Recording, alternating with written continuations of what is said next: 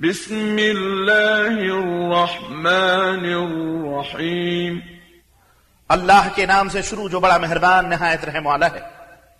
والشمس وضحاها والقمر إذا تلاها سورج کی اور اس کی دھوپ کی قسم اور چاند کی قسم جب وہ اس کے پیچھے آئے۔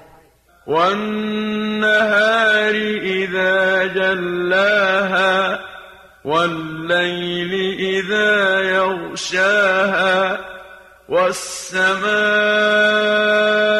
وما بناها اور دن کی قسم جب وہ سورج کو نمایاں کر دے اور رات کی قسم جبکہ وہ اسے ڈھانپ لے اور آسمان کی اور اس ذات کی قسم جس نے اسے بنایا والأرض وما طحاها ونفس وما سواها اور زمین کی اور جس نے اس سے بچھایا اور جان کی قسم اور جس نے اسے ٹھیک بنایا۔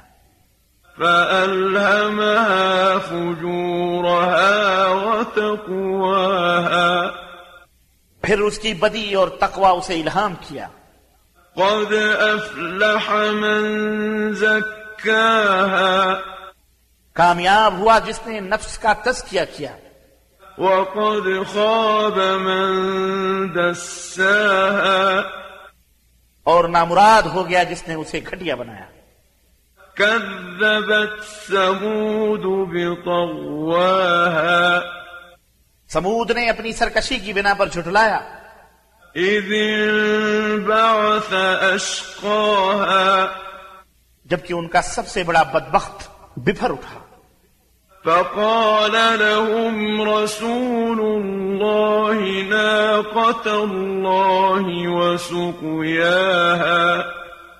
تو رسول اللہ نے انہیں کہا اللہ کی اونٹنی اور اس کے پانی کی باری فكذبوه فعقروها فدمدم عليهم ربهم بذنبهم فسواها انہوں نے رسول کو جھٹلایا اور اونٹنی ذبح کر ڈالی۔ تو ان کے رب نے ان کے گناہ کی پاداش میں آفت نازل کی کہ انہیں زمیں بوس کر دیا۔ ولا يخاف عقباها اور وہ ایسی تباہی کے انجام سے ڈرتا نہیں۔